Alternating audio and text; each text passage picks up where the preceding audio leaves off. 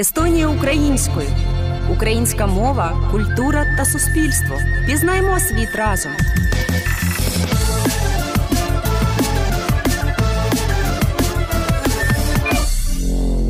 Вітаю вас в ефірі Естонія українською. Новий подкаст Русделфі про українську культуру, мову та життя українців. В студії працюю я, Анна Бикова, і сьогодні у мене гість Дмитро Худкий, українець, науковий співробітник університету Тарту, дослідник цифрового самоврядування. Дмитре, е, вітаю вас у студії. Доброго. Ви перший науковець у серії нашого подкасту. Як нам відомо, ви народилися у Черкасах, закінчили Києво-Могилянську академію за спеціальністю соціологія. Наразі експерт Інституту інноваційного управління, і більше 20 років ви займаєтеся науково-дослідною діяльністю за напрямами відкритої демократії, соціології, діджиталізації, розвитку суспільства. Скажіть.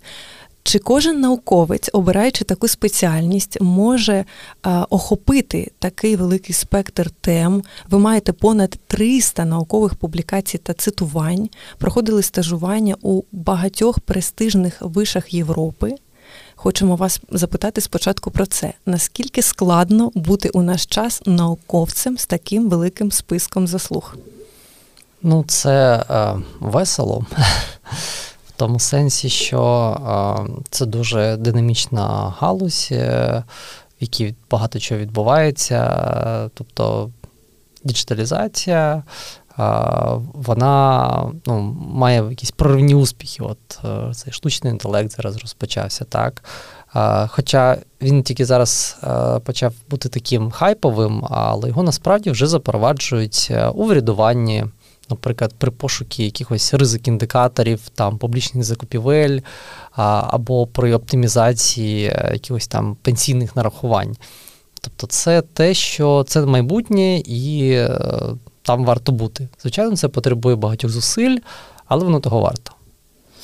У 21-му році ви підписали річний контракт з інститутом Йоханнес Кіте при університеті Тарту.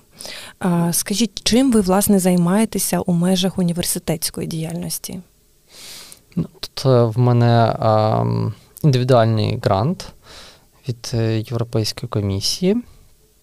В межах конкурсу Марі Кюрі і називається Widening Fellowship. Це для е, країн Нової Європи, щоб тут розвивалася наука більш інтенсивно. Відповідно, я досліджую демократичні практики у відкритому врядуванні. Це дуже така специфічна тема, тому що є країни, які беруть себе зобов'язання і втілюють принципи відкритого урядування, такі як прозорість, громадська участь та підзвітність за допомогою цифрових технологій. Естонія одна одна з учасниць, але насправді їх по світу 75 країн, Україна в тому числі. І я вивчаю те, як ці е, програми реформ створюються. Бо це робиться е, в ідеалі разом з громадськістю і владою. І от ця співпраця, вона ну, е, не завжди складається, але там, де складається, то це дає такі проривні результати. А чому ви обрали саме Естонію для своєї mm. наукової діяльності? Чи так вийшло випадково завдяк завдячуючи гранту? Нічого не випадково, бо цей грант можна було подавати в будь-яку е, е, країну е, Європи. Е, так. І, Відповідно, я цілеспрямовано брав Естонію і е, інститут Щотте, університет Тарту, тому що тут е, якраз такий один з небагатьох в Європі центрів досліджень культурного врядування та електронної демократії. Тобто тут є команда, тут є експертиза, тут є ну, можливості для розвитку цієї теми. Тобто бути в склад, в такій атмосфері, в складі такого інституту це ну, честь. А власне, аналізуючи вашу біографію, я обрала тему для нашої бесіди таку: які цифрові рішення слід Україні запозичити в Естонії? І перше питання профільне, яке я хочу задати, це які digital практики в теорії можуть бути практично корисними у реаліях сучасної України з точки зору вашого досвіду, ваших наукових розробок, досліджень, що може бути у теорії практично корисним? Ну, корисно тут е, може бути системність рішень, які які вже втілила Естонія. з точки зору електронних послуг, це класика, це база. Ну, естонці до них звикли. Українці теж звикають, бо в нас вони запроваджуються. Але часом вони запроваджуються ну, не те, щоб хаотично, а ну, одне міністерство робить якийсь один формат, інше інший. І людям часом складно розібратись де що. Так? Останнім часом, звичайно, люди користуються останніми роками дією, і це полегшує доступ. Але ну, ще більше послуг можна запровадити. Тобто в Україні їх там ну, близько ста, так? Але вони охоплюють всі сфери а, життя. Тому тут є над чим працювати.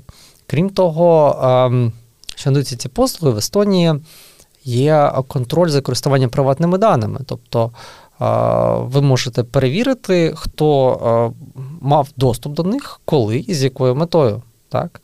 В Україні ну, такого немає. Це власне створює ну, питання, а як ці дані використовуються, чи немає зловживань.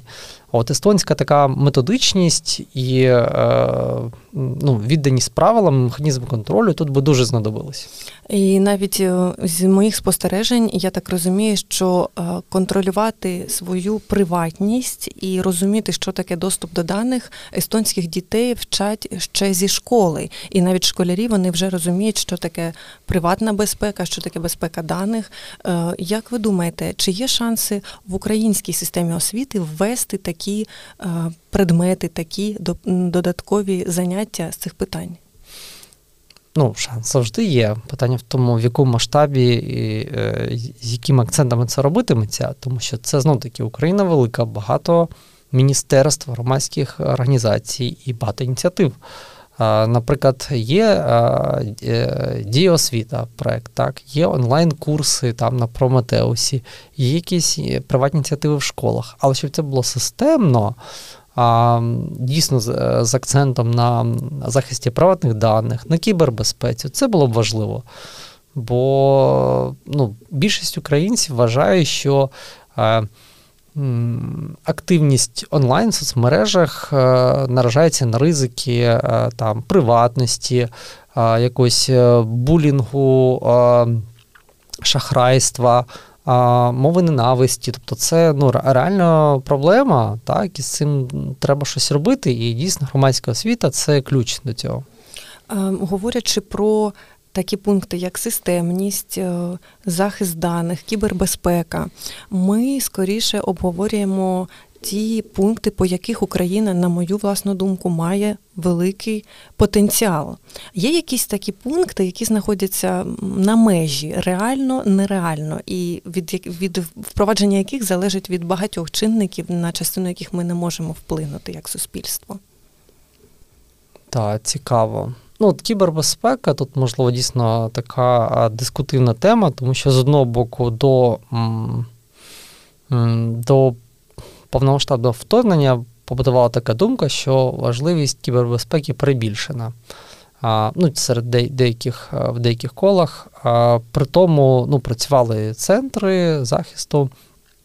А, але СБУ там репортує про сотні кібератак на Україну. так? А, І це ну, потребує величезних ресурсів відстежувати, помічати, їх блокувати, так, якось е, протидіяти. Це, ну, е, навіть якщо забезпечити технічний захист, е, можливі ж техніки соціального інженірингу, коли просто людину обмануть, і вона видасть ці дані. Тобто це треба навчати і персонал а, і захищати критичну інфраструктуру. Тобто, це це величезна робота, і Україна зараз дійсно ну, має велику зону росту в плані кібербезпеки за, за, за рейтингами міжнародними. Тому це точно ця сфера потребує інвестицій. А чи потребує вона фахівців? Чи їх вже достатньо наразі? Їх треба просто довчити, можливо, перекваліфікувати? Є люди, які навчаються технологіям інформаційним. Мені складно сказати, скільки саме займаються саме кібербезпекою, але тут тут навіть справа не стільки в людях, скільки в створенні е, екосистеми, щоб було критичне коло експертів, які між собою спілкувалися, це була спільнота щоб державі був попит на таких фахівців, щоб їхня робота оплачувалась, тому що робота, ну. Державне спеціалістство оплачується в рази менше, ніж е, це буде в бізнесі. Відповідно, е, ну, низька ймовірність, що людина піде на держслужбу, маючи вибір іти е, в стартапи чи там на аутсорс працювати.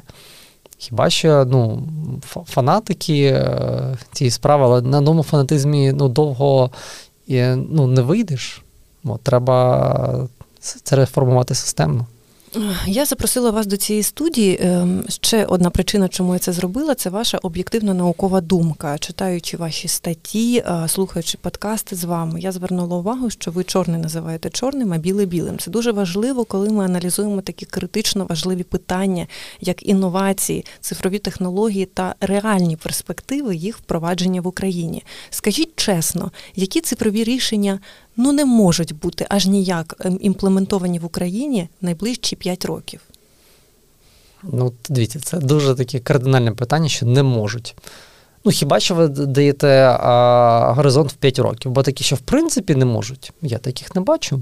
От говорячи про реалії сьогодення у перспективі п'яти років, е, до чого ми не встигнемо довчитися, що з технологічної точки ми не зможемо імплементувати, а дуже хотілося б. Можливо, це щось стосується безпеки, дійсно безпеки даних, або освіти у цій сфері, або е, чогось пов'язаного з е, військовим потенціалом. Ане, ну чесно, я не бачу сфер, яка була не була б неможливою.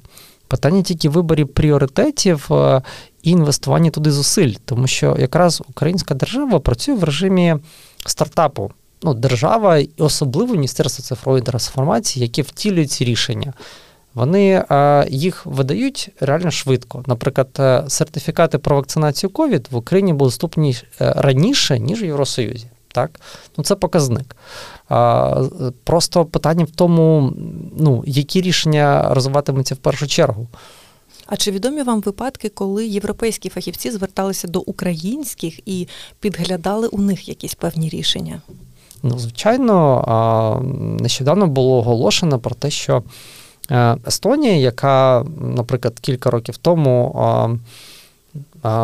допомогла Україні розробити систему е, обміну даних Трембіта на основі естонської системи X-Road. Та Дуже системне рішення, що дуже правильно, і ця система Трембіта вже е, введена в експлуатацію.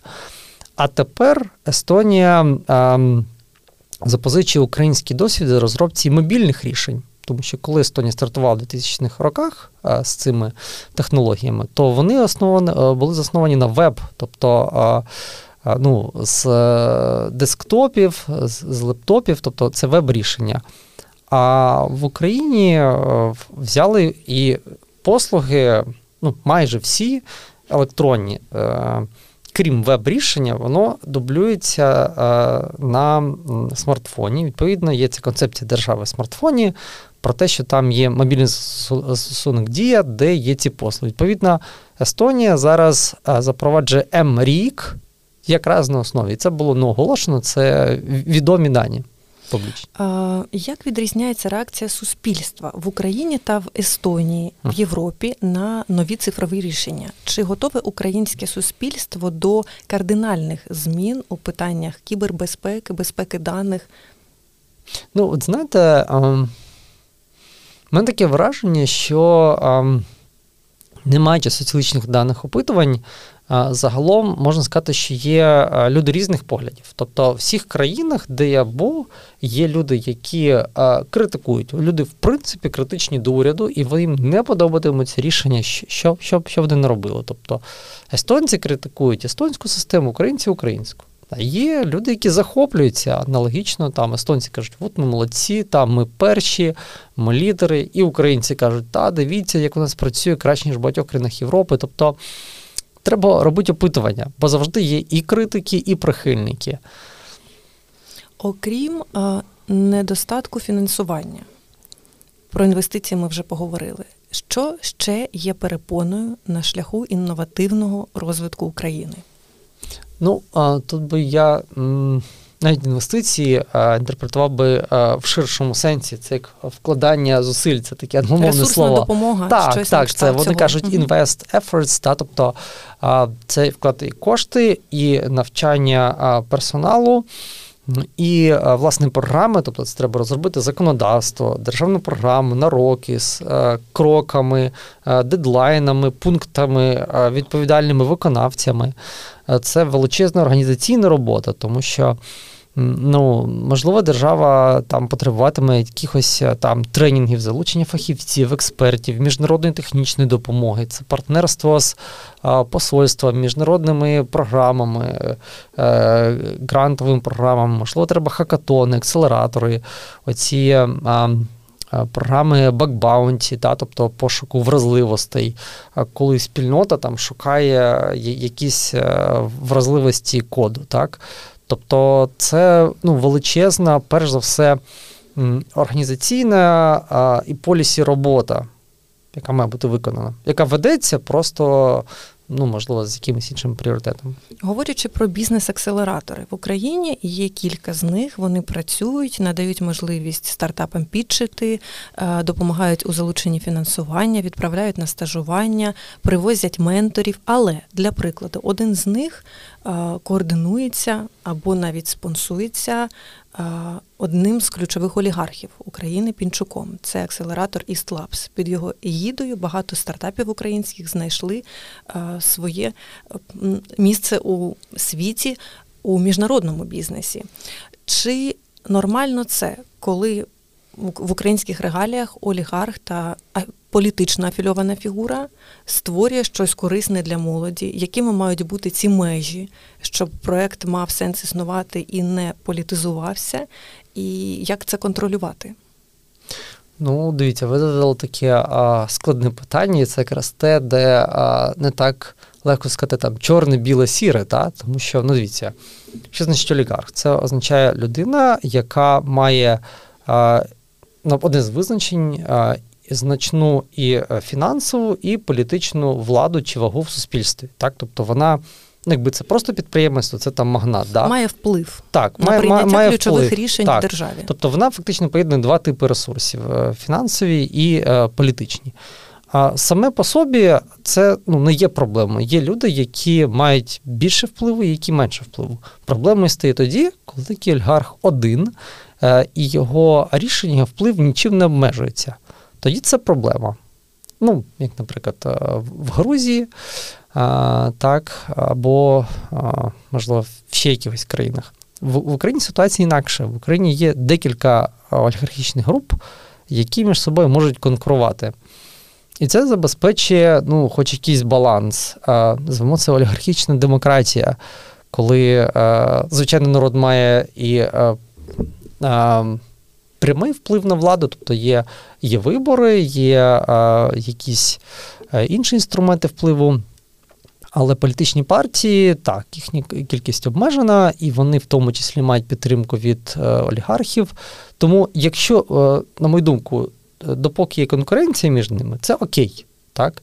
Звичайно, якщо олігархи там здійснюють якісь кримінальні вчинки або підтримують а, злочинні режими, то тоді це проблема. Тоді це це не тільки а, юридична, а й етична проблема. Але якщо олігарх це просто людина, яка законним чином заробила гроші і вирішила займатися політикою, то це окей.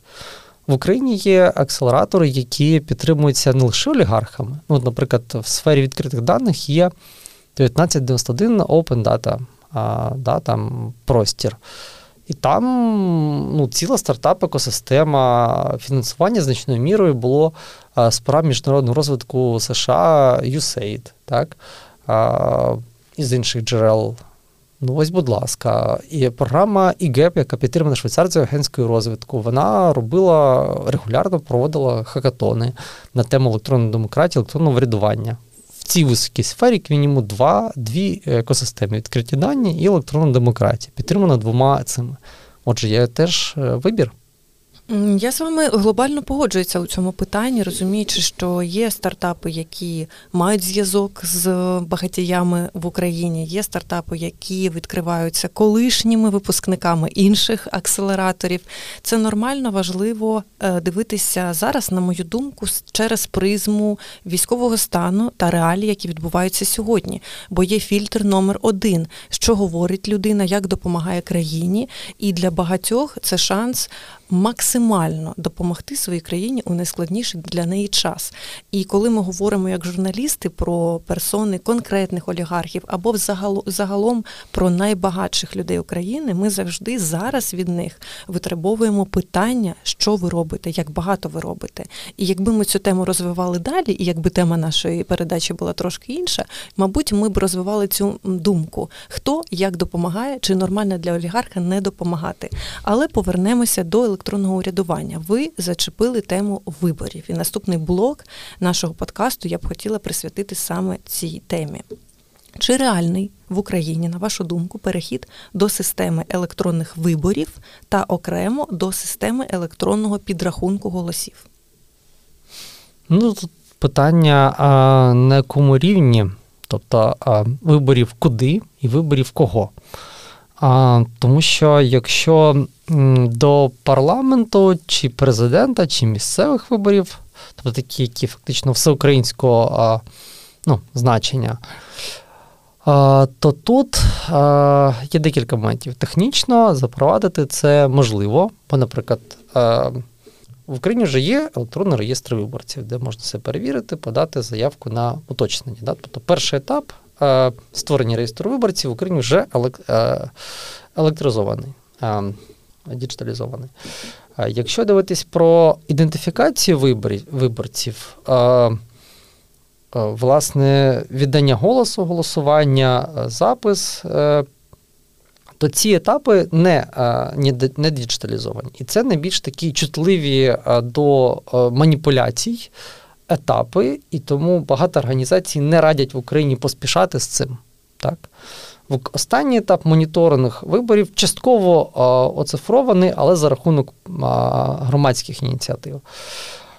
Тобто, бо в Україні, де не завжди є збалансована влада, а той, хто контролюватиме власне цю систему електронних виборів, матиме ну, забагато влади, і тут виникають ризики з точки зору безпеки політичні. Якщо ж говорити про вибори е, іншого формату, наприклад, вибори до е, членів громадських рад, то такі вибори в Україні вже проводяться е, як мінімум 7 років.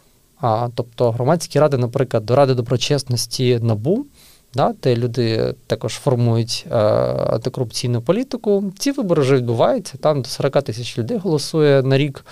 Е, частково це вже є. Але на меншому Але рівні. зауважимо для наших слухачів, що дійсно громадські ради обираються таким шляхом, але громадські ради це ради при міністерствах, при окремих органах державної влади. Це не є політичні обрані діячі, це не політика у чистому сенсі, це опосередкований громадський вплив. Дуже важливий в Україні. Громадське суспільство України останні роки набирає великий темп і серйозну вагу. Це дуже важливе рішення, але все ж таки щодо електронних електронних виборів та електронного голосування. Чому я взагалі задаю ці питання? Україна є рекордсменом в Європі за кількістю фальсифікацій та маніпуляцій за їх різноманіттям. Це і каруселі, і винос урни, і технології прямого підкупу, і технології опосередкованого підкупу, і обманні технології телефонних дзвінків, все що завгодно. Я вже не говорю навіть про різні ступені чорноти політичної реклами, скаму і так далі. У зв'язку з цим. Чи зможуть електронні вибори стати панацеєю від такої кількості фальсифікацій і маніпуляцій? Чи зможуть вони їх обнулити і зробити український виборчий процес чистим і а, зі здоровою конкуренцією? Дивіться, жодна технологія сама по собі не є панацею. А, Тобто, навіть якщо запровадити ідеальну технологію, а, завжди можуть знайдися люди які не зловживатимуть. Тобто це питання також політичної культури, системи контролю так, балансу влади. Тобто тут технологія може лише допомогти. В українському контексті, як мінімум, радять запровадити електронний підрахунок голосів, щоб протоколи, наприклад, оцифровувались одразу і рахувалася швидше без затримок. Бо якщо є затримки з підрахунком голосів, завжди є питання до доброчесності цих виборів. Так? Щодо онлайн цих маніпуляцій в в медіа, теж тут потрібно запроваджувати законодавчі механізми, виконавчі механізми. Е, контролю за тим, е, які відбуваються дискурс, які обговорення, на яких медіа, на яких майданчиках. Це окрема робота з е, вдосконалення законодавства, впровадження публічної політики, контролю, в тому числі громадськості. Щодо того, що Україна є лідером з маніпуляцій, тут залежить дійсно від критеріїв. Ви кажете, що багато інструментів можливо. Просто я зараз аналізую виборчу ситуацію в країнах східного партнерства. Так? Це Білорусь, Молдова, Україна, Вірменія, Азербайджан, Грузія. І ну, Україна там виходить е, ну, посередині. А, так, Тобто е, гірша ситуація в Азербайджані і Білорусі, бо там авторитарні режими. І там вибори е, е, ну, контролюються ще гірше. Так? Але, наприклад, в Молдові ситуація краще, бо там реформа виборчого законодавства і там кращі механізми. Тому залежить з чим порівнювати. Але говорячи про довіру громадян, знаючи, скільки фальсифікацій можуть бути, як домальовуються цифри в бюлетенях, як просто продають голоси за допомогою механізму карусель, коли один бюлетень чистий виноситься, інший заповнений заноситься і кидається в урну. Чи зможуть люди довіряти такій системі, як є наразі в Естонії, коли ти можеш проголосувати, не виходячи з дому за допомогою системи персональної id карти Скільки років треба українським е, громадянам з точки зору психологічної готовності до таких змін, щоб бути готовими голосувати з дому?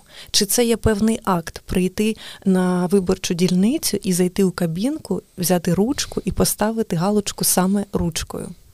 Ну, дивіться, а звичайно, для когось це дійсно важливий такий ритуал, і навіть в Естонії там половина виборців дає перевагу попередньому голосуванню, так? Ем, тому, якщо перепустити, що менталітет е, і ці психологічні зміни і е, зміни поколінь відбуваються десь е, подібним чином, то давайте подивимося на Естонію. Естонії знадобилося 20 років, щоб від початку запровадження електронних виборів електронного голосування до парламенту президента, так і місцевих виборів. Половина голосів була віддана електронним способом, так, цифровим. Отже, 20 років. Відповідно, Україні теж майже 20 років. Це вважаєте зміна одного покоління. Е, якщо ж дивитися на те, е, е, наскільки будуть люди цього схильні чи не схильні, ну, складно, бо, наприклад, теж опитування в дії його критикують за те, що там воно. Тенденційне, воно не проходить стандарти експертних обговорень, так тобто ну, є багато недосконалих параметрів по факту. Треба дивитись на масштаб зловживань. Да? Тобто сила паперового перевага голосування в тому, що кожна дільниця вона є незалежною. Якщо десь фальсифікація в одній точці, то не обов'язково в іншій. І ну, на останні, ну, на президентських виборах 2019 року спостерігачі зазначали невеликий відсоток фальсифікації. Тобто він, якщо і був, ну, то він не вплинув суттєво на результати виборів. І це ну, про щось говорить, тому що є спостерігачі від різних політичних партій. Якщо ж е, голосування електронне, то тоді е, є ризик е, змінити результати по всі, по всій системі.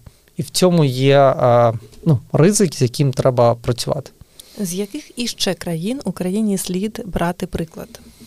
В якому плані? В плані цифрового урядування, digital технологій, високих технологій.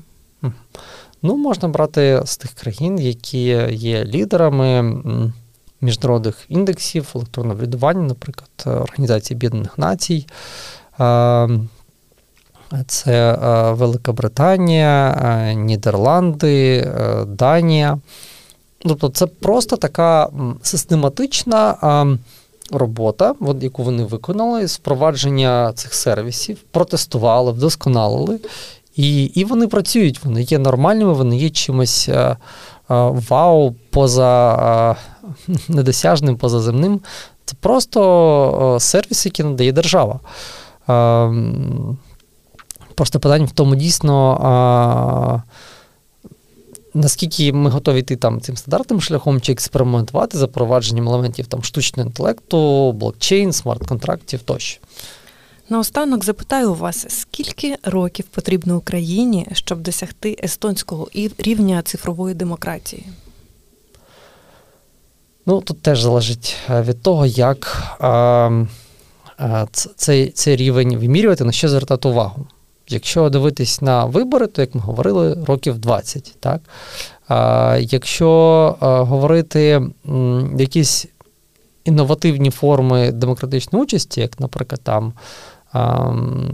громадські асамблеї, рендемократії, то тут можливо там це зробити там за рік-два. Тобто якісь інновації в Україні можуть запроваджуватися відносно швидко. Якщо ж дивитися про якісь інші форми, наприклад, громадські бюджети або бюджети участі, participatory budgeting, то тоді е, е, мінус 5 років. В тому сенсі, що в якихось сферах Україна ну, не випереджає студію, просто по факту, ну, наприклад, в Україні більше 200 громад мають громадський бюджет. В Естонії ну, значно менше. Навіть Таллін не має, да, а Київ має. Хоча тату, наприклад, має цей партисипаторний бюджет.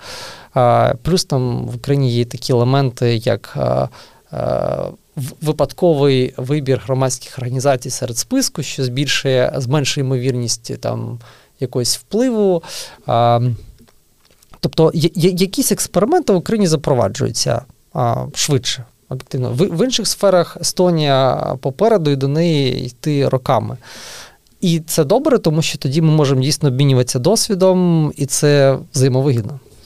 Дякую вам, Дмитре, за відверту розмову на таку складну наукову тему. У мене в гостях був Дмитро Хуткий, українець, науковий співробітник університету Тарту, дослідник цифрового самоврядування.